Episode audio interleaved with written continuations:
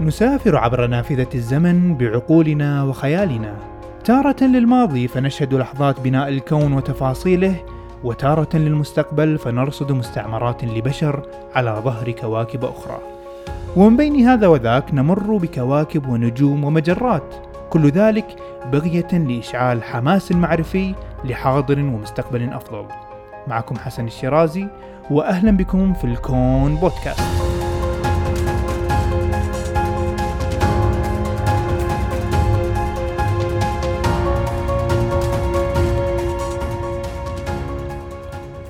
السلام عليكم. في الحلقة الماضية بدأنا سلسلة علوم الأرض وباستخدام علم الجيولوجيا وضعنا الفرشة التاريخية للعصور التي مرت على الأرض ودخلنا بشكل مبسط بالعصور الوسطى من الجراسي والطباشيري وتكلمنا بشكل مختصر يعني عن الديناصورات تلك الكائنات التي سادت الأرض لما يفوق المئة وخمسين مليون سنة. واليوم راح ننتقل إلى أجواء باردة جدا فراح أرجع معاكم بالتاريخ إلى حقبة مهمة جدا بتاريخ كوكبنا الأزرق. وراح نعرف أن الصيف اللي ننعم فيه حاليا وأقصد حاليا يعني في هذه السنوات وهذه العصور والأجواء الجميلة ما كانت على الدوام هي الحال الطبيعي لفصول هذا الكوكب. فراح نرجع إلى حقبة العصر الجليدي ونتكلم عن كل شيء يخص تلك الفترة وكيف ذلك يؤثر على فهمنا لطبيعة كوكب الأرض. ونتكلم كذلك عن الماموث والثدييات الضخمة اللي انقرضت في تلك الفترة وكيف حدث ذلك. وقبل ذلك أنوه بأن هذه الحلقة تأتيكم برعاية من مؤسسة الكويت للتقدم العلمي. مؤسسة الكويت لديها العديد من الكتب والبرامج العلمية المميزة لجميع الأعمار وجميع التخصصات.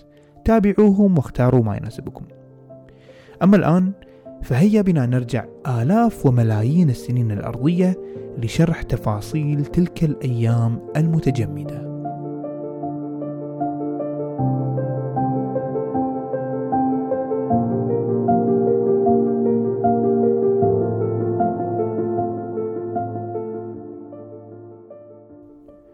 عند الحديث عن العصر الجليدي هناك الكثير من التساؤلات المهمة التي تطرأ حول هذا الموضوع. فبداية ما هو العصر الجليدي؟ يعني أي فترة من تاريخ الأرض تنطبق عليها شروط معينة اللي من خلالها نستطيع أن نطلق عليها عصر جليدي. وهذا يجرنا إلى سؤال آخر مهم وهو كم مرة دخل كوكب الأرض بالعصر الجليدي؟ والإجابة على مثل هذه التساؤلات وغيرها يضطر العلماء للنظر دائما للصورة الشاملة بين العلوم كلها والاستعانة بالاستكشافات من هنا وهناك بين الجيولوجيا والفلك والفيزياء وغيرها وربطها ببعضها البعض لفهم طبيعة هذا الموضوع المعقد جدا. فموضوع العصر الجليدي كان مدار معارك علمية بين العلماء على مدى أكثر من قرن من الزمن حول طبيعة هذه الحقبة من تاريخ الأرض.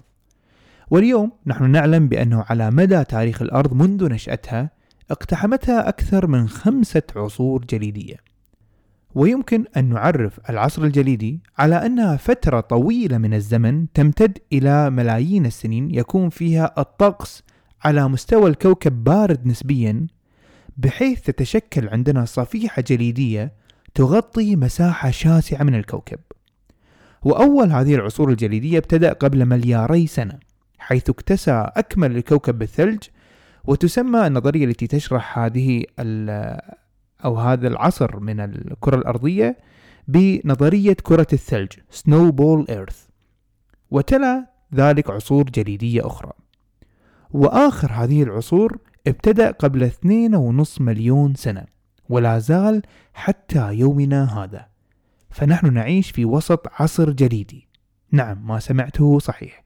أنا وأنت وكل العالم في عصر جليدي الآن يسميه العلماء بالعصر الرباعي Quaternary Period.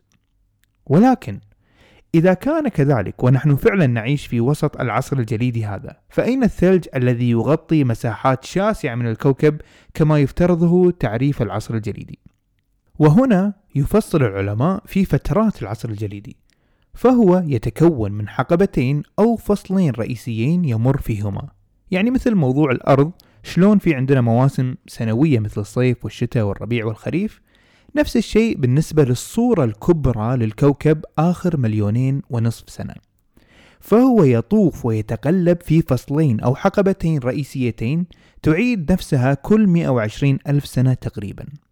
الحقبة الأولى هي الحقبة الجليدية تسمى Glacial Period. والتي ينتشر فيها الثلج ويتمدد على مسطحات الأرض انطلاقا من القطبين. وبعد ذلك تليها حقبة تسمى بين جليدية Interglacial Period. تنكمش فيها هذه المسطحات الثلجية وتستقر في مناطق رئيسية عند أقطاب الكرة الأرضية. وهذا يحدث لأسباب عديدة جدا راح نناقشها لاحقا. ولكن خل أقول لكم قبلها كيف بدأت قصة العلماء بالتفكير في موضوع العصر الجليدي فاليوم إحنا ناخذ هذه الحقائق عن الكوكب كمعلومات نعرفها وموجودة بالكتب ولكن قبل 200 إلى 300 سنة الموضوع ما كان بهذه الطريقة لأنهم أو لأنه ما كان في دليل ملموس. إلى ذلك الوقت يشير ولو إشارة بسيطة إلى حدوث مثل هذه التقلبات في كوكب الأرض.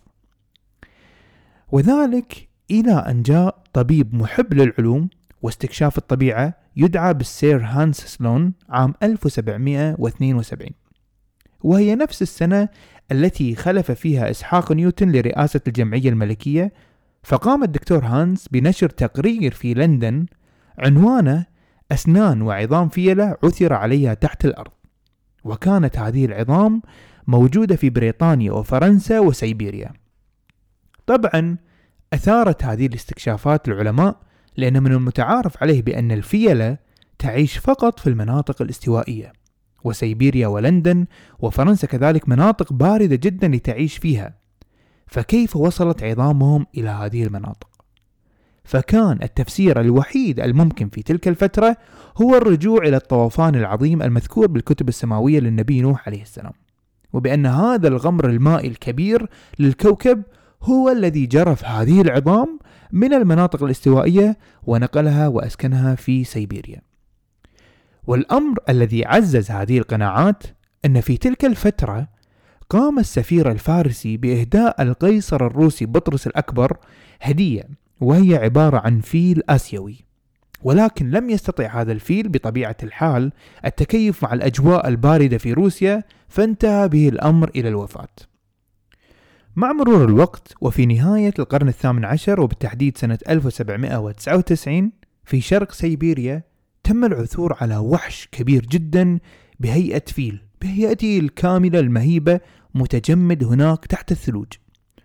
وحتى وصل الخبر بعدها بسنوات إلى مسامع عالم النباتات الروسي ميخائيل آدمز حتى سافر له في صيف 1806 ليشاهد هذا الوحش الذي تبين بأنه هو الماموث يجثم هناك كاملا أمامه بعد ذوبان الثلج من عليه وكان مغطى جلده بالصوف والشعر الطويل.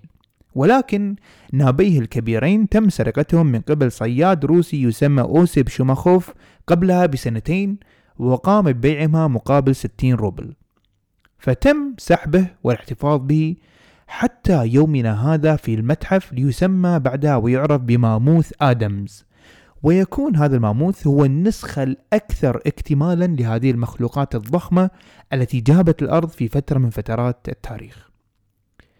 بعد ذلك دخل العلماء في دائرة من الجدل إذا ما كان هذا الحيوان ينتمي إلى نفس فصيلة الفيلة الموجودة أم أنه نوع جديد منقرض من الحيوانات.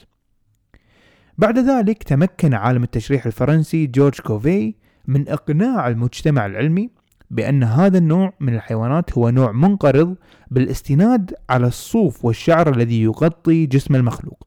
وبأن هذا المخلوق كان متكيف مع البيئة أو بيئة القارة القطبية المتجمدة ولكن لسبب ما انقرض من الأرض ولم يعد له وجود. فأخذ هذا الاكتشاف يشغل حيز كبير جدا من المحاضرات العلمية في ذلك الوقت. وأصبحنا بحاجة ماسة لفهم طبيعة هذا الوقت الذي عاشت فيه هذه الكائنات. وفي جانب آخر لاكتشاف الماموث كان هناك عمالقة من نوع آخر. تفسير وجودهم أربك العلماء وجعلهم يدخلون في حزمة نظريات عن العصر الجليدي. وهذه العمالقة هي الجلاميد الصخرية الضخمة. والجلاميد هي صخور كبيرة جدا. يمكنك البحث عنها الآن في الإنترنت آه، بالبحث عن كلمة جلاميد لترى مدى ضخامتها. وبعد ذلك لأشرح لك مشكلتها تخيل أنك تمشي في الصحراء في أرض قاحلة منبسطة بدون أي تضاريس. مسافة كبيرة جدا تمشي كيلوات أرض منبسطة.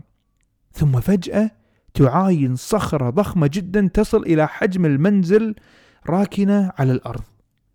بدون أي تفسير لوجودها فماذا سيكون تفسيرك لموقعها؟ كيف وصلت وانتهى بها الحال لهذا المكان؟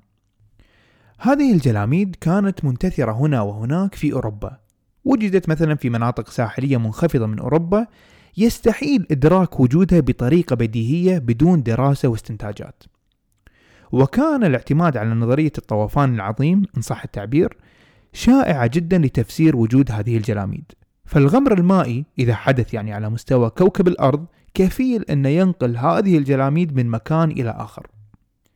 وظهر هناك تفسير آخر ولكن أيضا اعتمد على الماء وهو الجبال الجليدية. فافترضت هذه النظرية بأن الجلاميد كانت موجودة على جبال ثلجية وهذه الجبال انفصلت من القطب الشمالي وسارت عبر البحار محملة فوق ظهرها هذه الجلاميد وعندما استقرت في السواحل ذابت الجبال الجليدية وظلت الجلاميد فوق السطح هناك لنرصدها نحن لاحقا.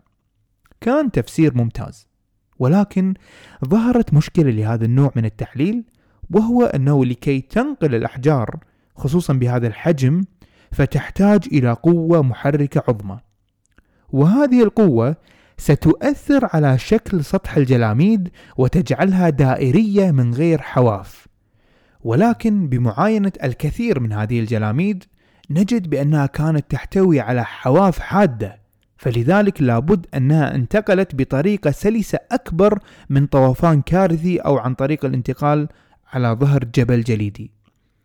فبدأت بوادر نظرية جديدة تنشأ في الأوساط الجيولوجية وفي المجتمع العلمي تسمى بالنظرية الجليدية. وهي تتبنى الموقف القائل بأن هناك صفيحة من الجليد لابد أنها كانت تكبر وتكبر وتغزو مساحة شاسعة من أوروبا وعليها عاشت هذه الحيوانات المنقرضة وعليها كذلك انسحبت هذه الجلاميد بطيئا مع مرور الزمن. ثم عند اختفاء وانحسار هذه الصفيحة من الجليد وجدنا ما وجدنا بموضعه الحالي. ولكن هذه النظرية كانت تواجه هجوم شرس لأسباب عديدة ومنها النقص في الدلائل المادية والاستكشافات التي تؤيد مثل هذه الطرح ومن جهة أخرى كانت لا تحظى بتأييد الكنيسة مما أثار جدل واسع بين العلماء أنفسهم وبين الكنيسة كذلك. الآن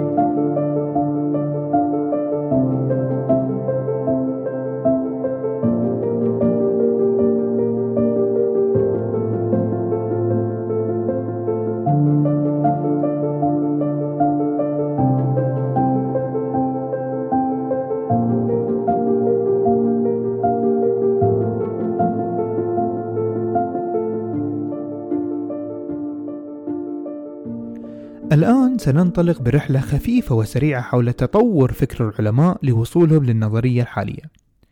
من الصعب عليك غير متخصص تحديد نقطة الانطلاق، ولكن أظن تحديد العالم ويليام باكلاند نقطة جيدة لذلك. كان العالم ويليام باكلاند وهو قسيس كذلك وهو أحد أكبر متبني نظرية الغمر المائي العظيم لتوافقها كما يرى مع الإنجيل، وكذلك لأنها الأسهل للفهم والشرح. فقام في العام 1819 بإلقاء محاضرة في جامعة أكسفورد بعنوان شرح الصلة بين علم الجيولوجيا والدين وراح يبرهن على المطابقات الواقعية بين الدليل المادي وهو مذكور بالإنجيل. فقد كان باكلاند يعتمد على زياراته الميدانية التي كان يذهب لها بخيله وهو مرتدي زيه الأكاديمي. فأحد الأدلة التي اعتمدها ويليام كانت أكوام لصخر الحصباء المدور هذا الصخر اللي عادة ما نجده عند الأنهار. فقد وجده باكلاند على جبال يصعب ترسبها هناك من الأنهار الموجودة حاليا. وهذا قاده إلى الاعتقاد أكثر بنظرية الغمر المائي أو الفيضان العارم. وهذا يتبع ما يسمى بالنظرية الكارثية يعني حدث يحدث على مستوى الكوكب يقلب الموازين ويقلب التضاريس الطبيعية بفترة وجيزة جدا. وفي تلك السنوات جاءت حادثة مروعة وصادمة في جبال الألب السويسرية. فقد اجتاح فيضان أراضي زراعية أودت بحياة أكثر من أربعين شخص. وكان مصدر هذا الفيضان هو ذوبان سد جليدي كان يحتجز خلفه بحيرة جليدية. ومع ذوبان السد انهمرت مياه البحيرة وسالت على بلدة مارتيني. وبعد هذه الحادثة ظهر لنا عالم يسمى تشارلز لايل.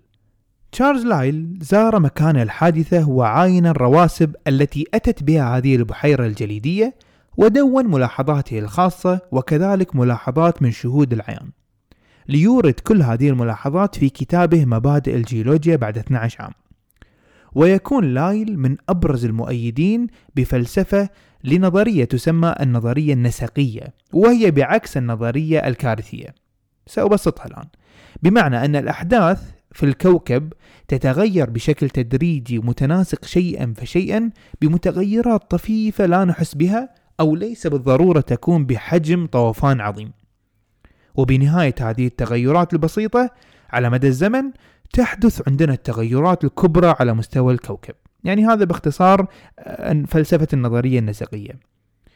فقد كان لايل هو العالم المتبني لفكرة انتقال الجلاميد اللي تكلمنا عنها قبل قليل عن طريق حملها بجبال من الجليد المنفصل من القطب الشمالي. وبعد أن تذوب هذه الجبال تبقى الرواسب لنرصدها لاحقا. وفي نفس تلك الفترة وعلى نفس أحداث الفيضان في مدينة مارتيني كان هناك على بعد أقل من 20 كيلو متر من الحادثة منجم للملح ومدير هذا المنجم يسمى جان دو شاربنتي. وكان هذا الشخص دارسا للجيولوجيا وكان من ضمن اهتماماته مواضع الجلاميد. فقد لاحظ أن جوانب الأودية بالمستويات المنخفضة مصقولة بشكل كبير جدا لا يمكن تفسيره إلا بقطع من الجليد أن تكون سرت في هذا الوادي. يعني تخيل أنت الحين تشوف وادي وتطالع الطبقات في هذا الوادي تشوف أن الطبقة اللي فوق مختلفة عن الطبقة اللي تحت. ما تلاقي لها تفسير إلا أن تكون في قوة كبيرة جدا مرت هني وافترض هو أن في نهر تجمد وكان هذا النهر يمشي في قوة تدفعه وقعد يغير من طبيعة وشكل هذا الوادي من الأسفل. فمن هذه الملاحظات لاحظ أن في خط فاصل معين يغير الجيولوجيا أو طبيعة الصخور في هذا الوادي وسمى هذا الخط خط النحت وأسماه شاربنتيه بالوحش الجليدي الذي مشى من هنا. فبدأت تتشكل عندنا النظرية الجليدية. واللي قلنا مفادها هو تقدم صفيحة جليدية على مستوى اليابسة في ظروف معينة من الكوكب. طبعا هذه النظرية لاقت اعتراض كبير من تشارلز لايل القائل بأن جبال الجليد هي المسؤولة عن ذلك وكل منهم كان له أدلته. ثم بعد ذلك نصل إلى العالم الذي كان له الأثر الأكبر ربما بإدارة الدفة للنظرية السائدة اليوم النظرية الجليدية وهو العالم السويسري لوي أغاسي. كان طالبا للطب ثم حول اهتمامه للجيولوجيا وكان في البدايات غير مقتنع بالنظرية الجليدية ولكنه أصر إلى زيارة شاربنتيه ليرى العلامات التي رآها هو في الوديان والجلاميد. وهناك علمه شاربنتيه كيف كذلك يقرأ هذه العلامات ويتفحصها وكيف يستنتج وبعدها دخل بمجهود أكبر بتحليل كل هذه الأدلة ليقدم بعدها بسنوات محاضرة مهمة جدا تسمى محاضرة نوشاتيل التي قدم فيها أفكار وبأدلة صدمت العلماء حيث في تلك المحاضرة نقض أفكار الطوفان وأفكار الجبال الجليدية واستفاد من من سبقه في هذا المجال. وقال جملته الشهيرة عندما ظهرت جبال الألب نتيجة اضطراب عنيف غير سطح كوكبنا وجدت نفسها مغطاة بالجليد من القطب الشمالي إلى شواطئ البحر المتوسط وبحر قزوين على أقل تقدير. انتهى كلام أكاسي. وهذا يعني بأن أكثر من نصف الكرة الأرضية كانت مغطاة بصفيحة جليدية. بعد ذلك انتشرت فكرة العصر الجليدي الذي ساد الأرض كالنار في الهشيم ولاقت الرواج كبير جدا في أوروبا. ولكن كالعادة كان هناك الكثير من المعارضين لظن الكنيسة بأن هذا التفسير لا يناسب ما جاء بالكتب السماوية المقدسة ولنفوذها كذلك على المؤسسات العلمية في ذلك الوقت. وإضافة لذلك لم تكن فكرة التغير المناخي معروفة في الأوساط العلمية. عموما تمضي الأيام ويسمع البريطاني ويليام باكلاند الذي بدأنا من عنده المسيرة النظرية بأخبار أغاسي وسمع بعصره الجليدي فقرر أن يسافر إلى سويسرا ليعاين هو بنفسه الأدلة على ذلك. وبالفعل سافر مع زوجته التي كتبت إلى أغاسي بعد انتهاء رحلتهم في إنترلاكن السويسرية لقد قمنا بجولة جيدة في أوبرلاند وشاهدنا الجليديات ولكن الدكتور باكلاند هو أبعد ما يكون عن الاتفاق معك. ولكن بعد فترة من الالتقاء الاثنين اقتنع ويليام باكلاند بالنظرية الجليدية. وقرروا تثبيتها أكثر. فقام باكلاند بدعوة آه، لوي أغاسي لزيارة موطنه في بريطانيا لتطبيق هذه النظرية على الجلاميد الموجودة على الوديان والآثار التي كانت تفسر سابقا بالطوفان العظيم. والتي بات واضحا يسهل تفسيرها أكثر بالاحتكاك مع صفيحة جليد ضخمة اكتسحت المكان سابقا ولم تعد موجودة. بعد ذلك انتشرت هذه النظرية أكثر ووصلت إلى أمريكا الشمالية وحظيت بقبول لدى فئة كبيرة من العلماء لأنها كانت تفسر الكثير من الظواهر الجيولوجية. طبعا أنا هني ذكرت المختصر من المختصر لتطور الأحداث. أولا لعدم تخصصي في هذا المجال وثانيا لكثرة التفرعات والتطورات التي طرأت في القرن التاسع عشر بخصوص هذا الموضوع. وفي آخر الحلقة سأذكر لك المصدر الذي اعتمدته وفيه يمكن أن تجد تفصيل التفصيل لمن يحب أن يرجع له. ولكن بشكل عام بدأت النظرية الجليدية تأخذ قبولها في المجتمع العلمي وانحسر القائلون في الغمر المائي والجبال الجليدية. الآن في ذلك الوقت اتفق العلماء على تكون هذه الصفيحة الرهيبة من الثلج التي غطت الكوكب. ولكن حتى ذلك الوقت لم يصلوا بعد لكيفية حدوث ذلك. يعني أوكي الحين ندري أن في صفيحة قاعدة تكبر من القطب الشمالي والجنوبي وتغطي الكوكب ولكن ليش؟ يعني ما هي الأسباب؟ شلون قاعد يصير كذي؟ وهذا ما سنتعرف عليه بعد قليل مع الدورة الفلكية والتي تعرف بدورة ميلانكوفيتش.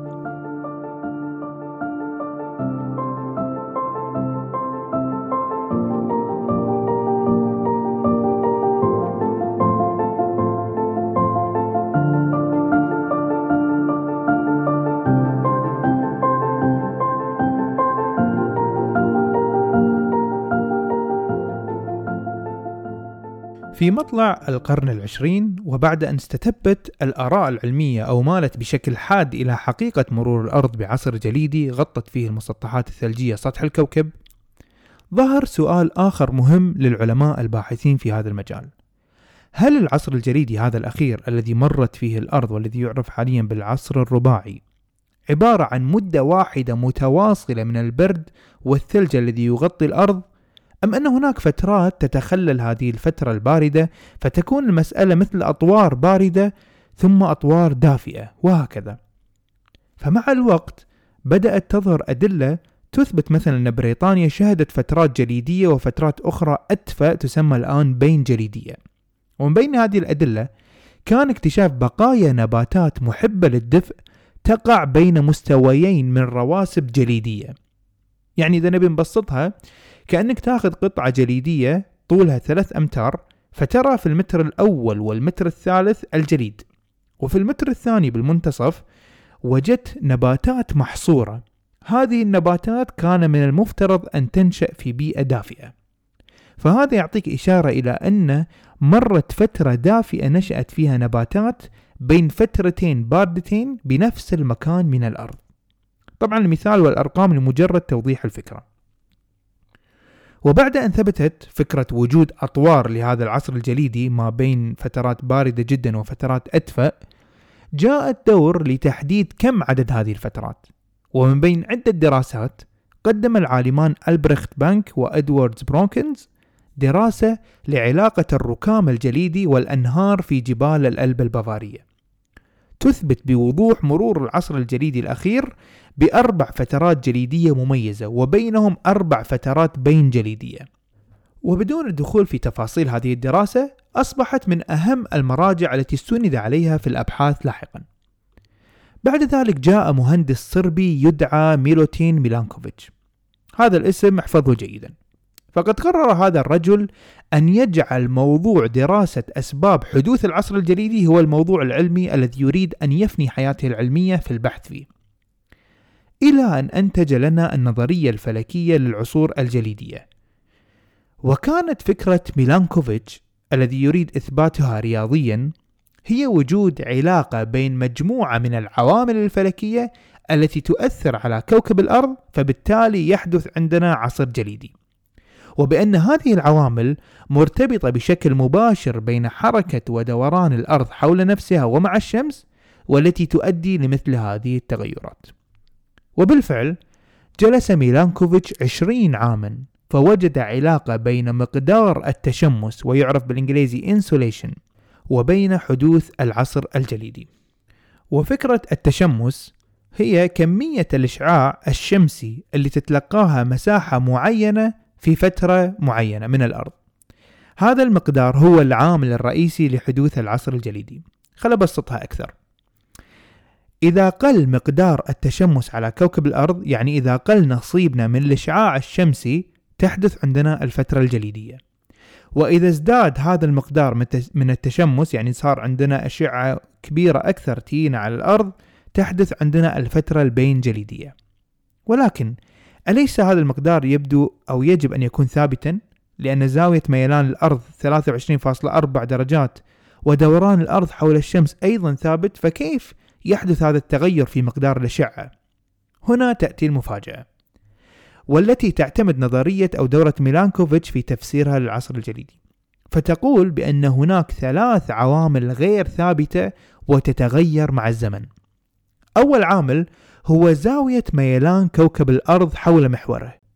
حاليا في زمننا الحالي هي 23.4 درجات ولكن هذه الزاوية ليست ثابتة وتتأرجح ما بين 21.1 إلى 24.5 درجة كل 41 ألف سنة. وطبعا هذا الميلان هو المسؤول حاليا عن عملية تغير الفصول في كوكب الأرض.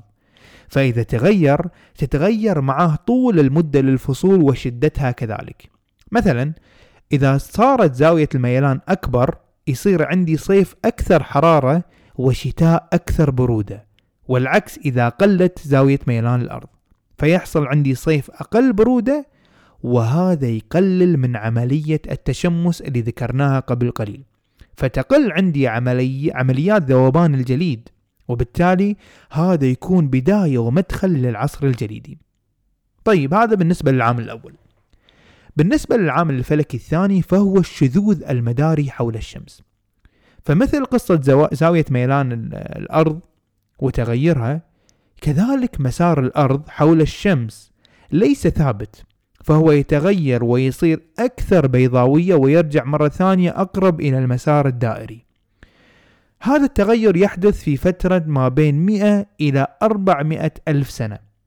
طبعا التغير يعمل على تغير كمية التشمس اللي تحصل على المسطحات الأرضية. فتتغير من كمية كبيرة إلى كمية صغيرة على حسب الدورة. العامل الفلكي الثالث والأخير هو ترنح محور دوران الأرض. فالمحور مو بس تتغير زاويته ولكن أيضا يترنح.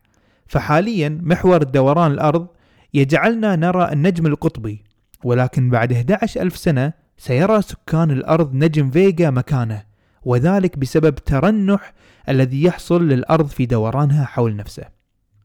وهذا كله بالمجمل يؤثر على مستوى التشمس اللي ذكرناه. المشكلة الثانية اللي تنشأ من عنصر التشمس هي مسألة مستوى انعكاس أشعة الشمس من الأسطح. فهي غير متساوية بين الأسطح العادية مثل الرمال أو الغابات وبين المسطحات الثلجية. الآن خلينا نبسطها حبة حبة. إذا زادت المسطحات الثلجية بسبب قلة التشمس راح يطلع عندي مسطحات ثلجية. هذه المسطحات الثلجية عندما تسقط عليها أشعة الشمس سترتد وتنعكس ولن يمتص منها سوى 50% على عكس الأسطح الأخرى التي تمتص أكثر من 90% من ضوء الشمس وبالتالي يزيد عندي البرودة في المنطقة وتزداد احتمالية تمدد هذه الصفيحة الجليدية. هذا تقريبا ملخص للنظرية الفلكية التي تفسر نشأة العصر الجليدي. ولكن في بداية طرح هذه النظرية واجهت صعوبات عديدة لإقناع الجيولوجيين بمدى قوة وتأثير هذه العوامل بالتأثير فعليا على المناخ في كوكب الأرض بسبب الافتقار في تلك الفترة طبعا إلى الأدلة المادية الملموسة. وذلك حتى ظهور دلائل علمية مهمة وطرق تحليل جديدة للباب الجليد التي تعتبر الأهم في القرن الواحد والعشرين. راح أقول القصة الآن باختصار علشان نفهم شلون تطورت عندي هذه الآلية. في سنة 1958 قررت الولايات المتحدة الأمريكية أنها تصنع شبكة سرية من منصات إطلاق الصواريخ تحت غطاء جرينلاند الجليدي وراحوا سمموا المشروع بدودة الجليد Ice Worm. وبالفعل تم تشييد تحت الجليد أنفاق كبيرة لإيواء الجنود ولكن تبين بأن هذه الأنفاق بعد فترة يتم سحقها ودمارها بسبب حركة الجليد. يعني هم بنوا الأنفاق يجون يرجعون يشوفونها متكسرة فالسبب كان أن الجليد هذا قاعد يتمدد ويتحرك. بعد فترة تم إلغاء المشروع ولكن المفيد بالموضوع هو خروج العلماء بطرق للحفر العميق في الصفيحة الجليدية في جرينلاند. فمن التجارب تم استخراج قطعة طويلة من اللباب والمقصود هنا باللباب هي القطعة الطويلة التي تحصل عليها بعد أن تحفر عموديا إلى الأسفل في الجليد.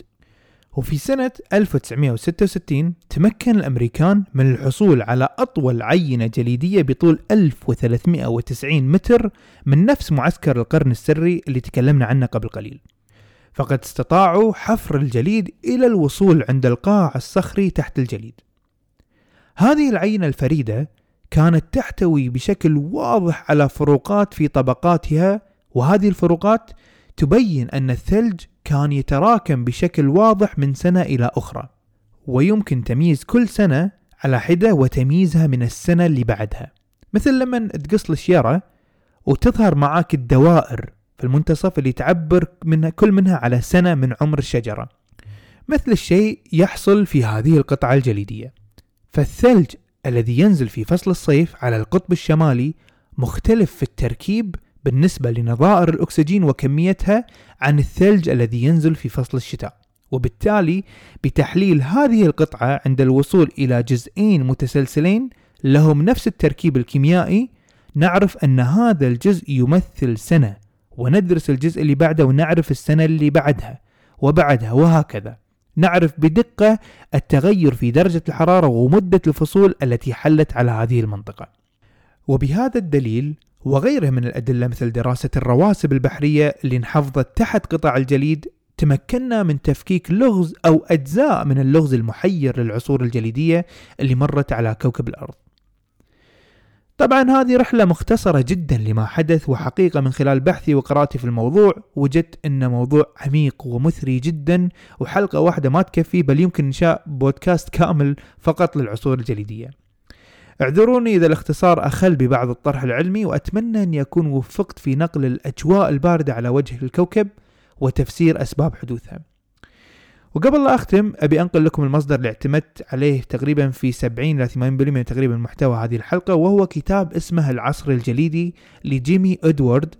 الكتاب عجيب جدا يحتوي على مجموعة من المقالات العلمية الثرية جدا اللي تشرح ما طرحته بتفصيل أكثر بكثير للمهتمين وهو مترجم للعربية. إذا أعجبتكم هذه الحلقة كتبوا لي بالتعليقات ولا تنسون تقييم البرنامج. كذلك فهو مهم جدا ليصل لشريحة أكبر من محبين العلوم الطيبين أمثالكم. وفي الحلقة القادمة راح أخذكم برحلة نجوب فيها بحيرات ومحيطات الأرض لنستكشفها ونتعرف عليها من المنظور العلمي. أنتظركم في الأسبوع القادم. كونوا بخير وإلى اللقاء.